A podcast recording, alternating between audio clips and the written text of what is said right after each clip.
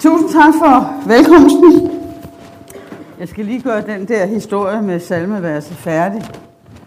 Øhm, fordi jeg drillede øh, salmebogsformanden, for ikke at sige mobbede ham i de år, hvor han øh, sad med det her, fordi jeg havde jo opdaget, at øh, verset, øh, der var det ekstra vers i højskolesangbogen, som jeg altid brugte på pastoralseminaret, hvis jeg skulle tale der, og så mobbede jeg ham jo øh, med, og han ikke tog at tage det med. Så bliver det altså til, det bliver taget med, men ikke i salmen, men, men for sig sammen med et andet vers, som også er med, som vi sang her. Det er jo så også med i, øh, i salmen. Og det har altså gjort mig lidt lystig over øh, i min bog.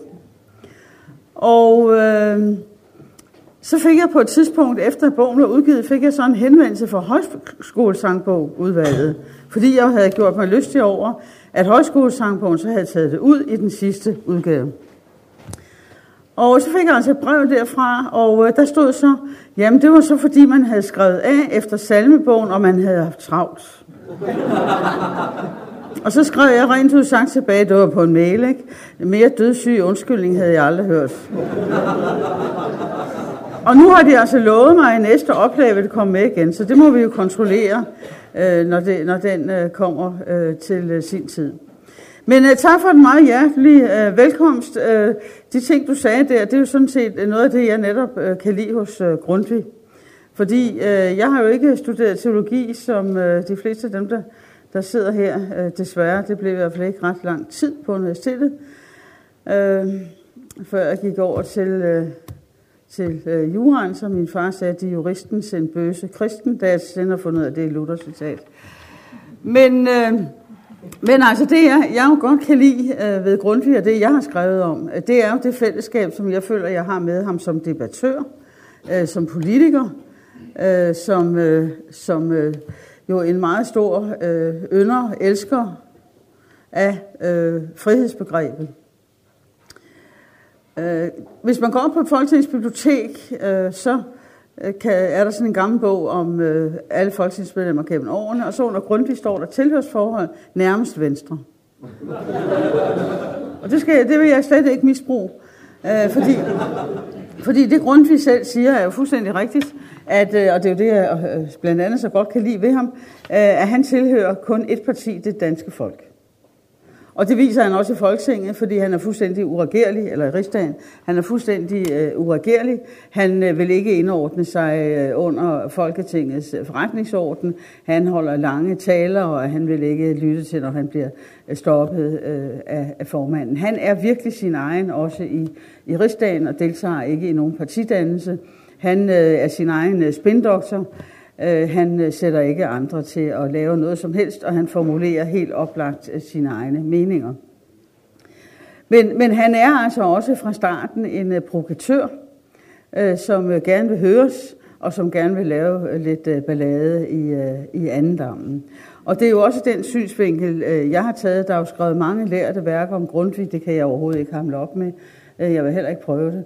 Men altså, jeg har jo gået på Christiansborg nu i så mange år, og set øh, på bysten af Grundtvig øh, hver dag, velvidende, at bortset fra Christiansborg og Brandt, så øh, gik han i de samme, øh, i de samme haller, det samme sted, øh, og var både medlem af den grundlovgivende rigsforsamling, øh, var medlem af Folketinget, og på sine meget gamle dage medlem af Landstinget, og pudsigt nok kom han, øh, trådte han ind i Folketinget præcis øh, i sin bedste alder, øh, den alder, hvor øh, jeg trådte ind øh, i regeringen, og øh, som er den alder, hvor, hvor dogenlæseren går på efterløn. Grundtvig var 364, og jeg var 364, ikke?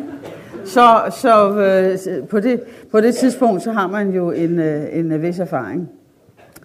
Øh, det, der jo øh, altså har slået mig, nu har jeg været ordfører øh, for, for grundloven i mange år, også om frihedsrettighederne, og har tidligere for mange år siden øh, øh citeret øh, Grundtvig første gang, men det var sådan meget om ytringsfriheden. Men, men det man jo for alvor bliver klar over, når man reflekterer øh, mere over det, øh, det, det, det er jo, at, øh, at Grundtvigs frihedsbegreb, efter min mening, jo ikke er sådan et øh, øh, utræret menneskerettighedssynspunkt. Altså, jeg har jo ikke... Det, det lyser jo ud af det hele, at øh, for Grundtvig, der stammer friheden fra evangeliet. Altså det mener jeg er så øh, utrolig øh, vigtigt øh, at have fat i, og det kan I sikkert bedre formulere øh, som teologer og studerende, end, øh, end jeg kan. Men det er der ingen tvivl om. Øh, Grundtvig øh, vender hele tiden øh, tilbage til citatet af, af Paulus, hvor der er ånd, er der frihed. Og det er ikke en konstatering, det er et krav. For konstateringen er jo desværre ikke altid rigtig. Men det er et krav, hvor der er ånd, øh, er der frihed. Og det er selvfølgelig et helt andet øh, frihedsbegreb, øh, end så mange andre frihedsbegreber, øh, vi bruger i dag. Øh, som er lige menneskeret, ikke? menneskeretten til at sove længe og alt det der. Så, så det, det er meget vigtigt øh, at øh, få fat i. Men altså, når, når man læser ham øh, øh på den måde, som jeg har gjort det, og det er, det er jo fortrinsvis øh, her på det sidste, inden jeg skrev bogen, det er simpelthen hans taler i rigsdagen. Øh, det er jo sådan øh, med politikere, at de må altså finde sig i, at alt, hvad de har sagt på Christiansborg, det står til evig tid. Og det gør Grundtvigs taler også. Øh, og jeg ved øh, fra at den tidligere juraprofessor her øh, i Aarhus, Jens Peter Christensen, at, at kopierne af Rigsdagssiden findes altså også på Universitetsbiblioteket her i, øh, i Aarhus. Øh, og der kan man altså læse alt, også tilråbende, ordret, hvad der er blevet sagt, ligesom man i dag kan øh, med øh, folketingstiden. Og det, øh, det, det er altså, der bliver han jo meget nærværende, når man, tager, når man øh, øh, læser ham. Og det, der er så fantastisk, er jo, at, øh, at jeg sad jo i dagevis øh, og, og læste, og jeg sad for at læse længere, men efter nogle dage, så sagde jeg til mig selv, det er sådan set mærkeligt, så Grundtvig er enig med dig. og, og så slog det mig, at selvom jeg bestemt ikke er fra et Grundtvigs hjem, så siger det jo alligevel noget om Grundtvigs øh, gennemslagskraft, at man føler det på den måde. Fordi jeg bilder mig selvfølgelig ikke ind, han har det for mig af gode grunde. Men, men, men altså, øh, hele tiden så synes jeg, at øh, det passede øh, med, øh, med alle de ting, jeg har, har gået rundt og sagt. Men det, der jo så også øh, øh, charmerer mig, det er selvfølgelig, øh, at han er så fræk. Han er faktisk fræk, det er jo ikke det, man normalt skriver om i de teologiske øh, afhandlinger. Men, men, men han er jo en, øh, han er jo en ildsjæl, og nogle gange øh, forløber han så også. Johan Louise Heiberg har jo sine erindringer skrevet, hvor hvor um, umandelig uhøflig øh, han var, men hende kan jeg nu så ikke fordrage, så det skal vi ikke regne med. Øh, men hvis man for eksempel ser hans øh, første prædiken, den han skal aflægge for at få sin teologiske bestemme, så er det jo typisk Grundtvig, at øh, da den ikke vækker nogen opmærksomhed, så skal han nok sørge for, at den vækker opmærksomhed. Altså han kan virkelig iscenesætte sig selv som den bedste spændoktor. Der sker jo det, at øh, han holder denne her øh, første prædiken for at aflægge sin eksamen, og øh, der sidder kun nogle professorer for det for lukkede døre, og han får så bedste karakter. Det er han ikke tilfreds med. Og derfor så trykker han sin prædiken, og så laver han en provokerende overskrift, vi er herren, herren forsvundet ud af, af sit eget hus, og øh, så bliver der selvfølgelig ballade. Fordi det jo følger jo alle de præster, øh, som øh, er rundt om, øh, og som er øh, altså meget øh, forfængelige, de føler, at det er et angreb på dem. Så de klager, og de brokker sig. Og dermed allerede der, som ung, bringer Grundtvig jo myndighederne, autoriteterne i problemer. Og det er præcis noget af det, han ønskede. At var der nogen, der var anti-autoritær, så var det Grundtvig. Og det er jo det, der giver ham den politiske slutning, øh, at hvor der er ånd, er der frihed, at det er også noget politisk, for det betyder, at der er noget, statsmagten øh, skal holde sig fra. Men han laver altså den her provokerende øh, overskrift, og så får han jo sat professionen skakmat, fordi når der så bliver klaget over dem, og de har givet ham den bedste karakter, hvad skal så statsmagten, som jo øh, dengang under den enevældige konge øh, bestemte alt, det var jo ikke som i dag, hvor vi bliver ved med at decentralisere, decentralisere og ikke tør sige noget som helst. Hvis biskopperne siger noget andet, så tør en kirkeminister jo ikke sige noget. Øh, altså sådan var det jo ikke dengang. Der havde man da bare ret sig efter kongen og, og biskopperne, så kom Gud vel bagefter. Men altså de kirkelige autoriteter og de statslige autoriteter, dem havde præsterne og ret sig efter, og man, menneskerne havde, borgerne havde at tro øh, derefter. Og det var det grund, vi øh, øh, hele tiden protesterede imod. Og her bliver der altså øh, så ballade, og jeg tror, han er grinet i skægget. Det er ærgerligt, man ikke kan spørge om i dag. Men hvad skal de gøre? Og det, det ender med, det er jo sådan en, en hyklerisk politisk øh, øh, løsning, fordi noget skal der jo så ske. men man kan ikke genere professionen, men man skal genere Grundtvig, og så giver man ham en påtale, for han har udgivet sin prædiken.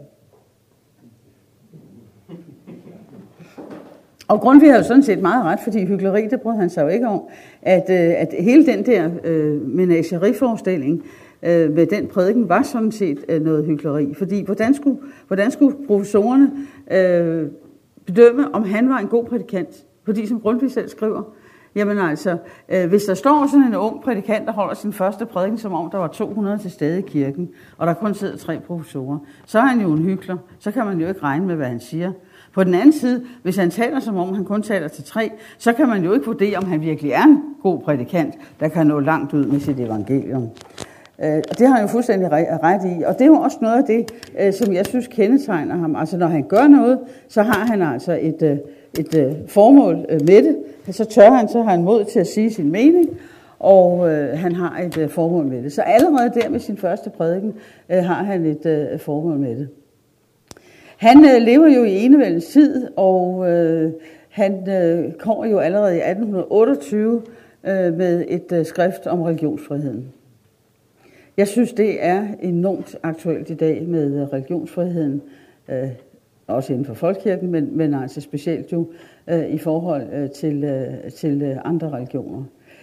Der kan man jo ikke tage grundvis til indtægt, for det var jo en anden tid. Øh, der, var ikke, øh, der var ikke muslimer. Øh, der var jøder, som Grundtvig øh, jo udtalte sig lidt øh, forskelligt øh, om. Man skrev lidt forskelligt i sine øh, salmer om det. Men, men øh, man skal selvfølgelig ikke begynde at tage Grundtvig til indtægt for nye øh, politiske problemstillinger. Men man har selvfølgelig lov til, som jeg, at have ham øh, i sit baghoved og bruge ham øh, i sit eget øh, liv og virke. Og der synes jeg, at han, øh, han dukker op øh, hele tiden. Og, og øh, specielt det med religionsfriheden er, er klart for mig jo meget centralt, når man er øh, integrationsminister og bliver mødt med, øh, med debatter i Folketinget om, hvorvidt det skal være lovligt at bygge moskéer øh, og så videre. Men øh, han var, var, som I, I ved, under censur flere gange. Og øh, der kan man altså på øh, Folketingets øh, bibliotek virkelig føle det helt nærværende. For det er sådan, at Folketingets bibliotek har rigsdagsmedlemmernes bøger. Og der har jeg altså set øh, øh, flere af hans skrifter, og så står der på side 1, kan trykkes. Politikammeret. Eller politidirektøren. Og det siger jo altså noget om, hvad det er for en tid, han levede i, hvad for en tid vi lever i. Det er fuldstændig utænkeligt, at man skulle gå hen på politikammeret i dag, og så skulle politimesteren øh, læse tingene igennem og sige, det må godt trykkes. Men det var den tid, Grundtvig levede i. Og derfor er det jo klart, at øh, hans synspunkter skal skal øh, ses øh, i den tid, han levede på den ene side, altså vi ikke skal tage alle mulige synspunkter til indtægt, øh, fordi han levede en anden tid. På den anden side var han jo virkelig radikal og modig øh, i den tid, han levede i, fordi det var en tid med statskirken. Det var en tid under enevælden. Og der er det jo interessant, når vi i dag øh, vel synes, at øh, Grundtvig måske sådan er, er folkestyrets øh, første forkæmper. Det var, han, øh, det var han ingenlunde. Det var ikke folkestyret, der var hans sag. Tværtimod, det var enevælden, der var hans sag. Han mente faktisk, at enevælden var den bedste form, i hvert fald i starten, øh, fordi kongen øh, jo ikke havde nogen interesse i anden at øh, tilgodese det almene vel. Og hvad der så var værre for ham, det var jo, hvis embedsmændene der skulle øh, bestemme. Det var simpelthen det værste, han vidste. Det var, det var embedsmændene. Og det ligger jo egentlig dybt i mange præster endnu. Jeg kan i hvert fald huske min barndom, som altså ikke, var et grundvisk, hvordan de omtalte kirken i stedet. Det var en god lærer. Hold da op, alle de præster, der kom der, sådan som de, de omtalte, de omtalte kirkeministeriet. Men, men det betyder jo altså, at Grundtvigs frihedsrettigheder og syn på frihedsrettigheden bare er endnu mere øh, radikal på grund af den tid, øh, han levede i. Men selvom han så var så glad for enevælden, så blev han nemlig meget bedrøvet over, at øh, han ikke kunne have sin ytringsfrihed, og at statsmagten øh, i den grad vogtede over sin egen lukkethed, at man ikke måtte kritisere statsmagten. Ytringsfriheden var for Grundtvig, som jeg ser det, det var jo netop retten til at blande sig i offentlige sager, og øh, bestemmelsen om offentlighed i retsplejeloven er jo så grundvis øh, fortjeneste i grundloven. Nogle siger, at det er den eneste, men, men det er jo sådan set også ret væsentligt, og hans taler er i, øh, i hvert fald væsentlige. Fordi hvis ikke man kan få offentlighed øh, og kritisere statsmagten, jamen, så er det jo klart, at, øh, at så er vi, lever vi ikke i en fri stat. Men det, der er det interessante, er, at han siger de her ting og mener de her ting på et tidspunkt, hvor han også mener, at enevælden skal bestå. Men så er Grundtvig jo også det, man øh, i dag kunne kalde øh, realpolitiker. Og øh, nu desværre har jeg ikke, er jeg ikke blevet citeret for ham i dagens aviser, hvor jeg beskyldes for lovsjusk. Øh, og jeg har jo sådan nogle øh, fine idéer om, at lovforslag skal i høring, og det skal bare øh, meget længe, at høringsparterne kan kigge på det. Øh, så har jeg så givet den der rapport om homoseksuelle tre måneder, så bliver jeg så kritiseret for smøl. Nu har jeg så givet tre dage til gebyrforslaget, så, så bliver jeg skældt ud over det. Men der sagde jeg faktisk til journalisterne, øh, kendskærningerne er hårde krabater. Nu er jeg minister, jeg ved, hvor lang tid det tager at lave et lovforslag. Kendskærninger er hårde krabater. Det er faktisk et citat af Grundtvig, det citerer de jo ikke. De skriver jo ikke, hvad man siger. Men altså, det er også en af de egentlig tiltalende ting øh, ved Grundtvig. Man har jo så meget, at man kritiserer politikere for at ændre mening og andre for at ændre mening. Der kan jo være gode grunde til, at øh, man over et livsforløb øh, selvfølgelig øh, udvikler sig. Og det tør man sige, at Grundtvig gjorde. For altså fra at være enevældens øh, forkæmper, så endte han jo med at blive forkæmperen for den almindelige valgret. Og det er jo fordi, at hvis han skulle vælge mellem to under, øh, eller, eller øh, ja, to under, hvis han skulle vælge mellem øh, valgretten eller den privilegerede valgret, så valgte han den, det, der hedder den almindelige valgret, som betyder, at kvinderne ikke har valgret. Men det hedder almindelig valgret alligevel, fordi der er almene kriterier. Øh, fordi privilegierne, det var simpelthen det værste, og det prægede ham hele livet igennem, og derfor øh, talte han i rigsdagen øh, ikke imod valgretten, men imod den privilegerede valgret, og specielt efter grundloven af 1849, øh, så, øh, som han øh, undlod at stemme til, øh, så holdt han alligevel fast i den, fordi man begyndte at arbejde med det, der var værre, nemlig frem til forfatningen af 66, øh, en mere øh, privilegeret øh, valgret. Men det der med kendskærningerne af hårde krabater, øh, det præger ham, øh, det præger ham altså hele livet. Han tager virkelig øh, næring af virkeligheden. Og nu skrev han altså øh, det her om religionsfrihed i 1828. Og det er jo klart, at øh, Grundtvigs tanker om sovnbørsløsning, øh, det, det var jo også noget, der kom tidligt. Og så får vi i 30'erne de rådgivende stænder, som vi ved, og øh, det synes Grundtvig heller ikke om, fordi det her begynder at ligne sådan en demokratisering. Det synes han sådan set heller ikke om. Men han ser, at det fungerer. Og så er det jo typisk Grundtvig, altså dels det der med kendskærninger og hårde krabater, men så er det også det, han kan jo ikke lade være at blande sig.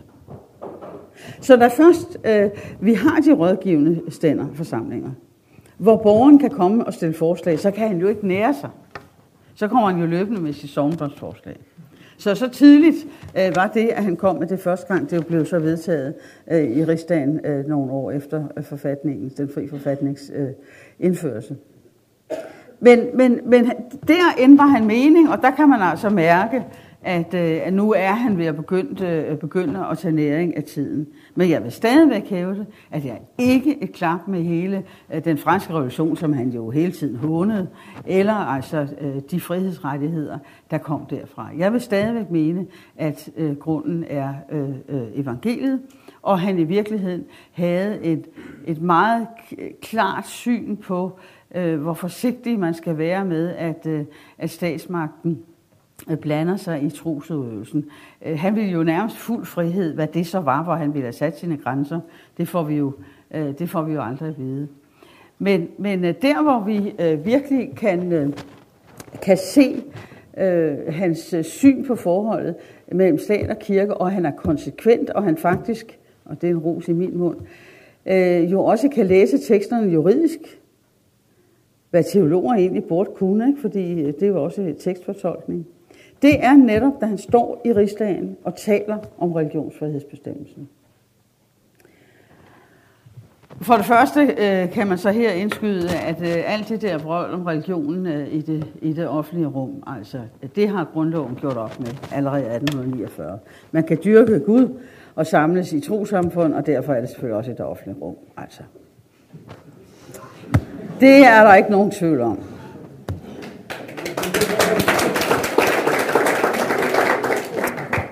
Det er der heller ingen nuværende statsminister, der benægter.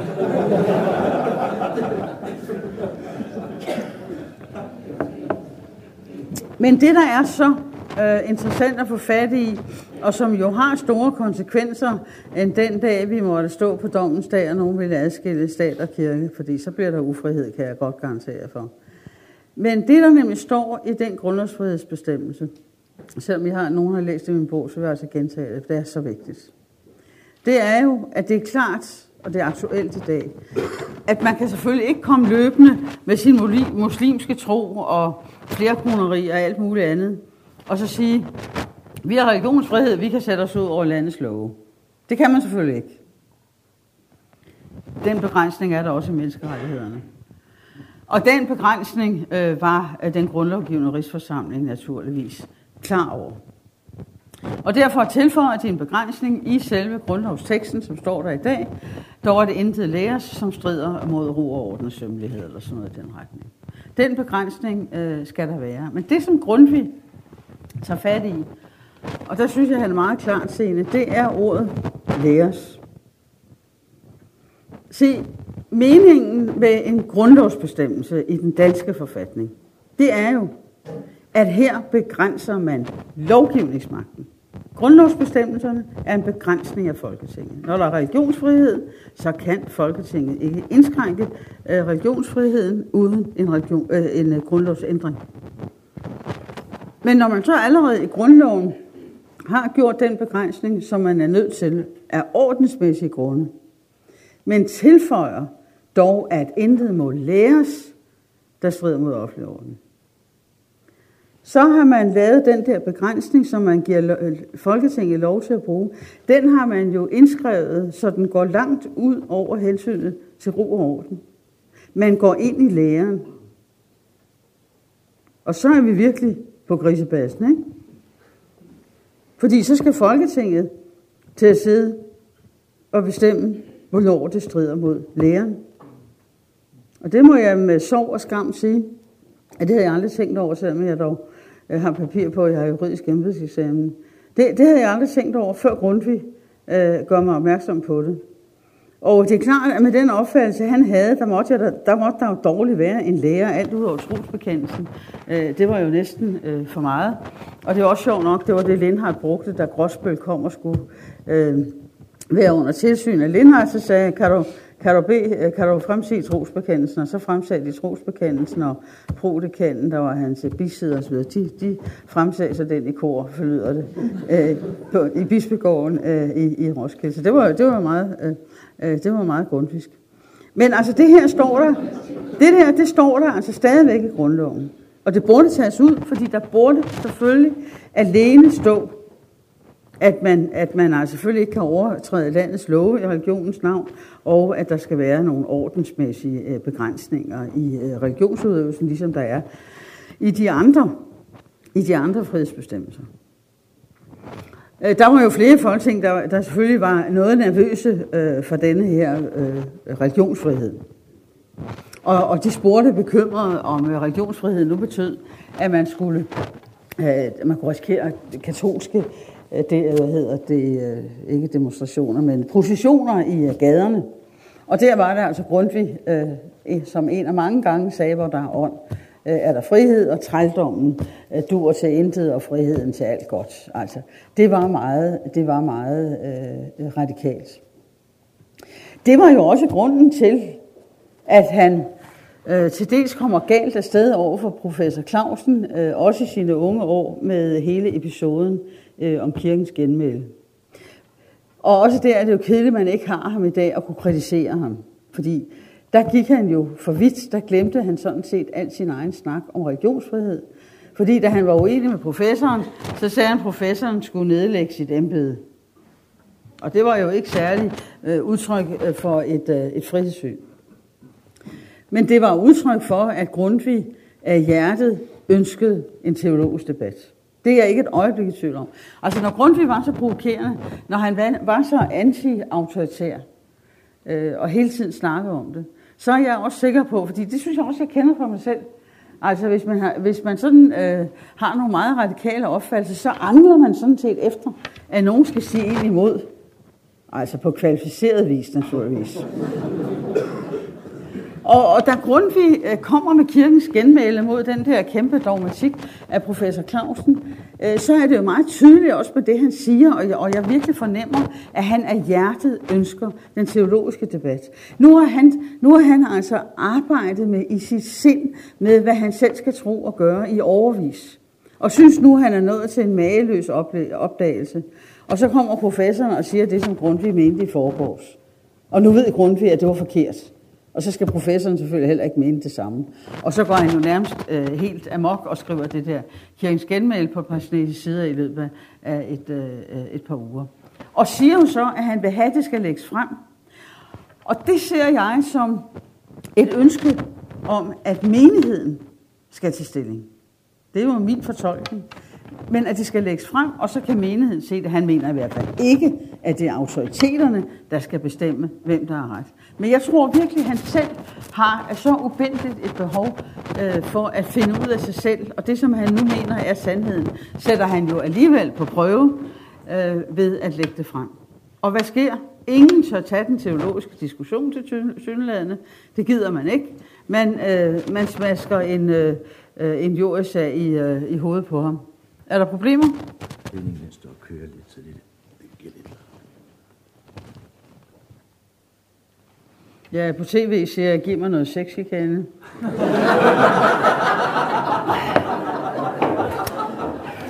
Så rødmer de unge, men de...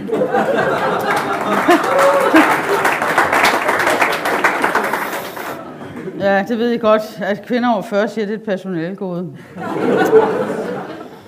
Nå, bliver det bedre? Godt. Men altså, det, det er meget interessant, at Grundtvig faktisk, mener jeg, lægger det frem og gør menigheden til lærermyndighed der. Men det, det kan I jo overveje, om I mener, at øh, jeg er ret i. Og faktisk har der jo været ryster fremme om, at øh, menighedsrådsmedlemmer eller menighedsmedlemmer øh, burde indtræde øh, i den gejstlige domstol. Nu tror jeg ikke, at reglerne bliver ændret øh, forløbet, fordi øh, i min tid har vi, har vi lavet nogle nye regler sammen med biskopperne, som sikrer øh, en, øh, et bedre forarbejde, så der ikke er nogen biskop, der skal stå helt alene, og så i øvrigt håber jeg slet ikke, der bliver, øh, der bliver nogen sag. Fordi sagen skal jo også kunne øh, vendes, og det var efter min mening problemet med Gråsbøl-sagen. Jeg er selv gamle anklager, og øh, hvis man skal vende en sag over en præst, så skal det i hvert fald være en præst, øh, Øh, der passer på nogle af de ord, som øh, lød i velkomsten, at man skal have mod til at sige det, man mener. Og Brosbøl ved I godt. Øh. Når han var i fjernsynet, altså jeg havde den opfattelse, at selv jeg som gammel anklager ville ikke kunne få ham dømt. Fordi det forudsætter jo, at man virkelig så også selv har en lærer. Så jeg håber ikke, der bliver, at der bliver nogle øh, lærersager øh, forløbig. Men, men altså, øh, jeg er ikke i tvivl om Grundtvig der, men jeg vil gerne høre jer, fordi jeg har, øh, jeg har jo egentlig læst det sådan øh, som, som medmenneske der. Altså, jeg føler virkelig, at, at han er... Øh, øh, han er sådan lidt øh, desperat. Han vil have den her diskussion, fordi han er jo hele tiden så optaget af, øh, hvad er, øh, hvad er øh, sandheden. Og øh, det må være en kæmpe skuffelse for ham, at autoriteterne så bare bruger den sædvanlige fasong, som man altid kan regne, øh, man altid kan øh, genere folk med, at øh, rejse en injuriesag, og han får jo også både bøde og, og, øh, og censur. Men det får, får ham jo ikke til at tige stille. Og derfor kan man jo sige, at i bagklogskaben, så var det vel i virkeligheden naturligt, at han blev politiker. Han var altså 64, og øh, selvom han kun tilhørte det danske folk, og man kunne sige, at han var slet ikke egnet som øh, politiker, fordi man begyndte jo at danne partier øh, ret hurtigt, så skriver han faktisk til sin søn kort tid, før den grundlovgivende rigsforsamling blev nedsat, jeg bør jo stille op, jeg er jo en af dem, der ved mest. og det har han jo sådan set øh, fuldstændig øh, ret i. Og det gør han så, og han bliver ikke valgt. Han bliver først valgt ved et uh, suppleringsvalg, og kommer så ind med tre ugers øh, forsinkelse, og starter, som jeg sagde i uh, indledningen, med at sætte sig ud over forretningsorden, uh, og det ene og det, uh, og det andet.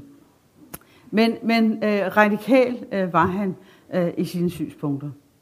Og det, som jeg hele tiden kredser om, og jeg har også prøvet at forklare det for tyske teologer, og man kan godt høre, at der er, der er en vis, øh, der er en vis øh, forskel det er jo, at, øh, at for mig som politiker, der har jo grundvis syn nogle politiske konsekvenser. Fordi hvor der er ånd, er der frihed. Jamen så betyder det, at der er noget, statsmagten ikke skal blande sig i.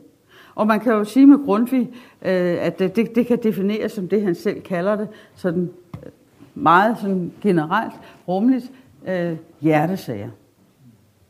For det er jo den store forskel på, øh, en, øh, på et øh, folkestyre, øh, en øh, retsstat og så et totalitært styre. Det er jo, at statsmagten ikke blander sig i sindelaget. Og det der, jeg mener, at, øh, at øh, kernen er øh, i hele Grundtvigs tænkning. At, at statsmagten skal holde sig fra hjertesager, og det er jo det, øh, evangeliet skal forkynde. Han spørger selv øh, øh i en af sine tidligere prædikner, da han er i præstø de her halvandet år, øh, en prædiken om øh, kejserens øh, mønt, Jamen altså, hvis man skal tjene både Gud og kejseren, øh, hvad så det? Det kan man jo ikke, fordi man kan jo ikke tjene to herrer, øh, og når så øh, øh, lynhurtigt til, at det er jo netop to forskellige riger. Og det er jo præcis det, det hele tiden handler om. Det handler jo hele tiden om, at man skal være borger i staten og opføre sig ordentligt og ret efter landets love, men man er altså også borger i et andet rige. Og i det rige har kejseren intet at gøre, og der har lovgiver intet at gøre. Og der havde det igen været dejligt at have Grundtvig øh, ved sin side, øh, specielt i de år lige efter 2001, der hvor jeg var retsordfører, hvor vi øh, skulle have en øh, ny øh, terrorlovgivning, og hvor vi jo er gået så langt, at vi straffer det, man kalder de forberedende øh, handlinger, altså som forsøg på terror. Og når det så også øh, er det, at man giver penge til nogen, der kan straffes, heldigvis af domstolene selvfølgelig, så er vi jo ved at nærme os, ikke, ikke bare, at det bliver meget vanskeligt for folk at finde ud af, hvor de må give penge, men de skal jo selvfølgelig fortsætte øh, for at blive straffet. Men altså, så begynder vi jo at nærme os det, der ligger herinde. Hensigten, man vil give penge til måske noget, man tror, øh, der er godgørende. Så vi, vi har strukket den meget langt, domstolene vil selvfølgelig øh, forstå og sætte øh, grænserne. Men hele den debat, øh, vi har nu om indvandrere og muslimer, rammer jo øh, også, eller man kan sige Grundtvig øh, rammer jo ned i det, og hvordan han ville have stillet sig i dag, skal jeg ikke øh, gøre mig klog på, men det gør i hvert fald øh, indtryk øh, øh, på mig. Og derfor er der også, jeg i øh, min bog har, har skrevet noget om det, jeg kalder øh, demokratisme. Altså, at vi skal passe på, at vi nu ikke i glæden over vores eget folkestyre og den grundviske arv, bliver så glade for den, at vi nærmest vil gøre demokratiet til en religion, hvad der er en tilbøjelighed til, og tvinge anderledes øh, troner, om så at sige, anderledes opdraget øh, til at være demokrater i deres sind. Det man kan tvinge landets borgere til, et lands borgere til, det er, at de overholder loven. Man kan ikke tvinge et lands borgere til at elske loven. Det er en meget vigtig forskel. Fordi hvis man tvinger dem til at elske loven, så er man netop kommet ind i sindelaget. Og det er præcis det grund, vi hele tiden går op med. Fordi hvis man skal elske loven, så er det jo ikke mere en ordenssag, så er det blevet en hjertesag. Og i det omfang, det er en hjertesag, det er det for nogen af os, så er det jo ikke det, der foregår inde i hjertet at staten, øh, skal øh, blande sig i. Og det er jo en balance, øh, man hele tiden må øh, gøre sig klart som integrationsminister. Øhm, øh, vi har jo forskellige erklæringer, det har man jo i mange lande, om at øh, dem, der kommer hertil, at, øh, at de skal erklære, at de vil integreres og, og så videre, og så videre. Nu kommer der øh, nogle nye øh, erklæringer igen. Men fra den første dag, jeg var minister, øh, blev jeg opmærksom på det der. Det var ikke, fordi jeg sådan havde ligefrem fokuseret på det inden øh, da jeg så øh, min egen regerings regeringsgrundlag, det ser man nemlig først, når man er blevet minister. Og der stod et par ting om integration, så jeg måtte sige til Anders få Rasmussen, altså det der kan jeg godt sige til dig, øh, at det kan vi jo ikke. Altså det var noget med, at man skulle tilegne sig de demokratiske værdier eller sådan noget. Øh, så jeg sagde, man kan tilskynde til det. Man kan, jeg mener også, man kan forlange, at man skal respektere det. Og i hvert fald jo kønnes ligestilling og alt det der. Det skal man respektere. man skal på en arbejdsplads finde sig i, at øh, chefen er kvinde og alt det der. Men man kan ikke pålægge dem at, at øh, elske det. Og, og, og det er ikke ret længe siden, jeg igen faldt over et af de skemaer, som nogle af mine forgængere øh, har, øh, har skrevet, øh, hvor, hvor jeg altså netop stregede øh, en glose ud og erstattede den af, af respektere. Fordi jeg tror, der stod tilegne.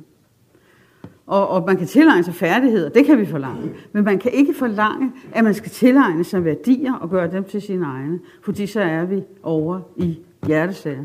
Så det var sådan set for mig selv meget heldigt, at jeg var i gang med at skrive det her, samtidig med, at jeg blev øh, integrationsminister. Jeg var gået i gang øh, med at øh, skrive. Og det har så ikke noget at gøre med, hvor mange udlændinge jeg vil have ind i landet og alt det der. Det er for mig et ganske andet spørgsmål. Men jeg er kompromilløs, øh, når det drejer sig om, om, øh, om dem, der kommer til deres ret til øh, friheden, specielt religionsfriheden, fordi, jeg, fordi den jo betyder noget for mig selv.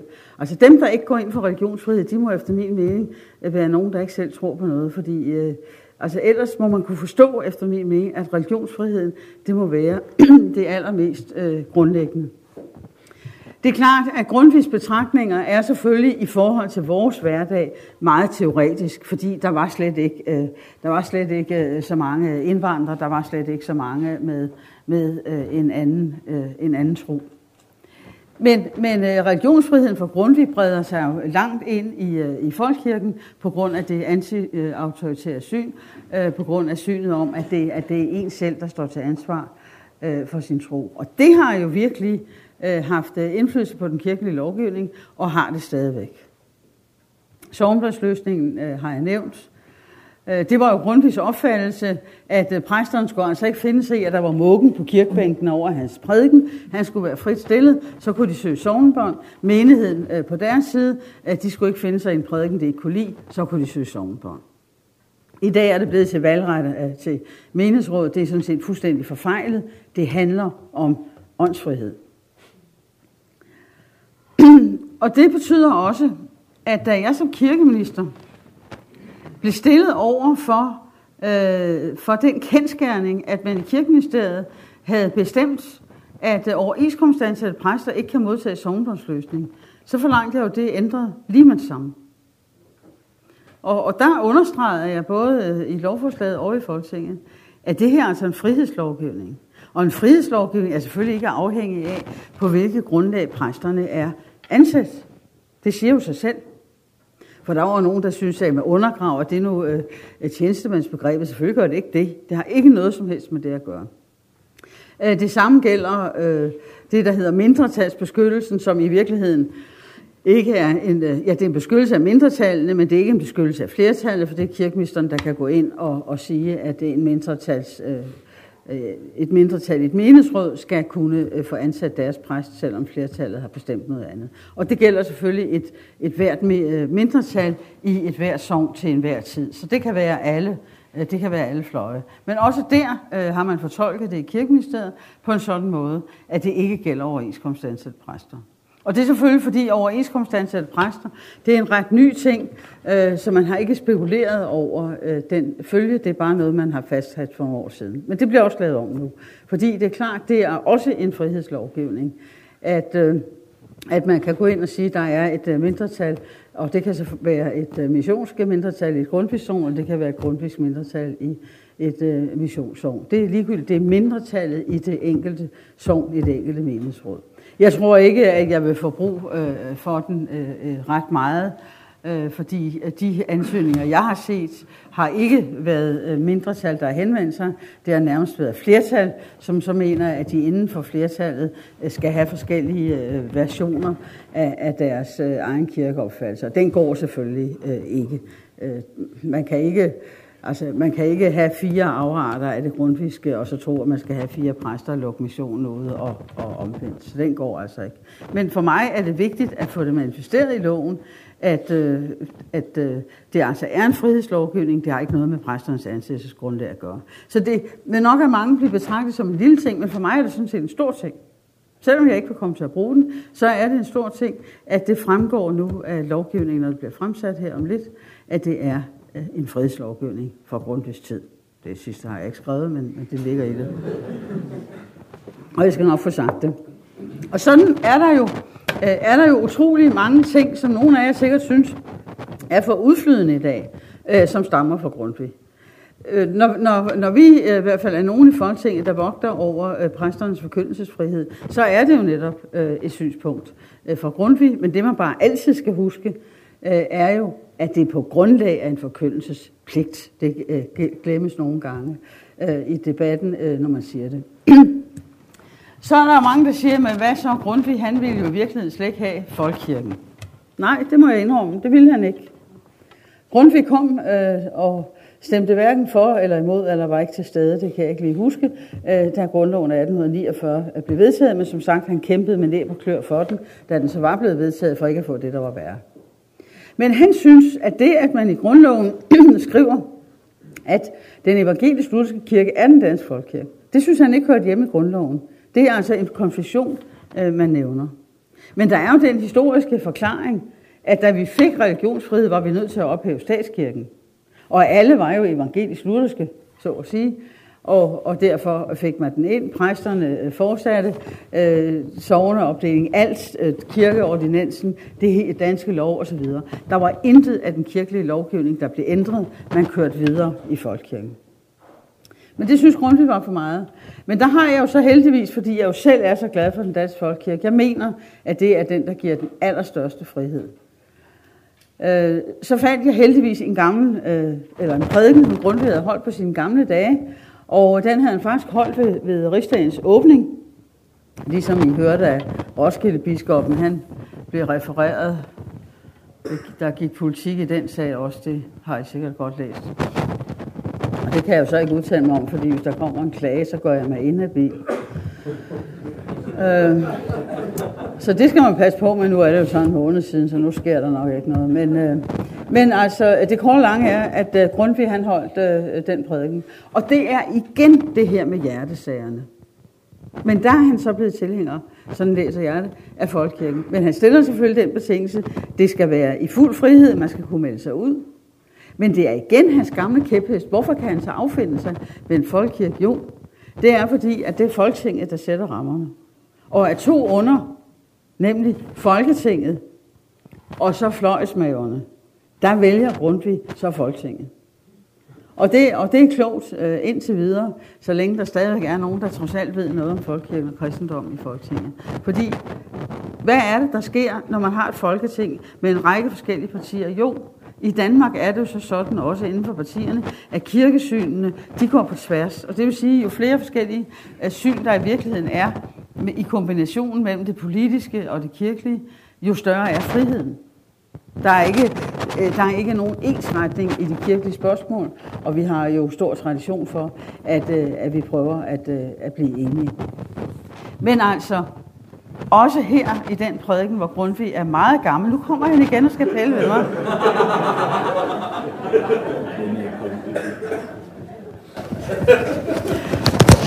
Nu gør jeg ligesom biskoppen over Helsingør Stift.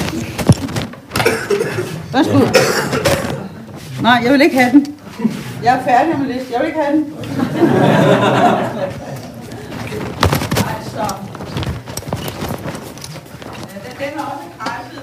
når hun skulle lyse velsignelsen til landemodet, hvor der var 600 mennesker i Helsingør Domkirke, øh, så hævde hun den af, fordi den restede, den gik jo på tværs af det her øh, metal. Og øh, så spurgte jeg organisten bagefter, hun taler jo meget langsomt og tydeligt. Kunne du høre det? Hvert eneste ord, sagde han, kunne han høre. Og undskyld, hvad gjorde præsterne, inden vi fik alt det der? Hvad tror I Grundtvig gjorde? Tror, I, han, tror I, han havde mikrofon på? Og så er det, altid siger, at dem, der hører dårligt, de må komme op på første række. Det er faktisk chefen for efteruddannelsen, Ole Jensen, der har lært mig det. Hvis folk ikke kan høre, må de sættes op øh, på første række. Men jeg er sådan set også ved at være færdig. Fordi det, jeg vil efterlade øh, til sidst her, det er jo så den politiske konklusion, som jeg har diskuteret også med øh, unge teologer på, øh, på øh, pastoralseminaret i København. Er han så politisk, Grundtvig? Eller er jeg politisk, når jeg rejser rundt med det nummer? Ja, men ikke mere politisk, end det er noget, man kan sige i en prædiken. Det er ikke partipolitisk. Det er, det er folkekirkens og præstens forbistrede pligt at forkynde evangeliet på en sådan måde, at man får sat grænser for, hvad statsmagten må og ikke må. Det er, det er sådan set det, det kan koges ned til, at Grundtvig siger inden for det, jeg har behandlet i aften. At hvor, der, hvor det er hjertesager, der blander statsmagten sig ikke. Men det er kirken og togregimentet og alt det der, man kan bruge og føre, føre feltog øh, mod statsmagten. Det er det, der er så vigtigt, at man skaber via evangeliet, skaber man det frirum, som har den politiske konsekvens, at staten ikke skal blande sig. Og derved er kristendommen jo i virkeligheden antitotalitær, så det basker. Og det var der bare mange flere, der burde forstå. Men nu sidder der en masse her, der kan gå ud i alverden. Og nu skal vi så have det, det tredje sakramente, kaffen.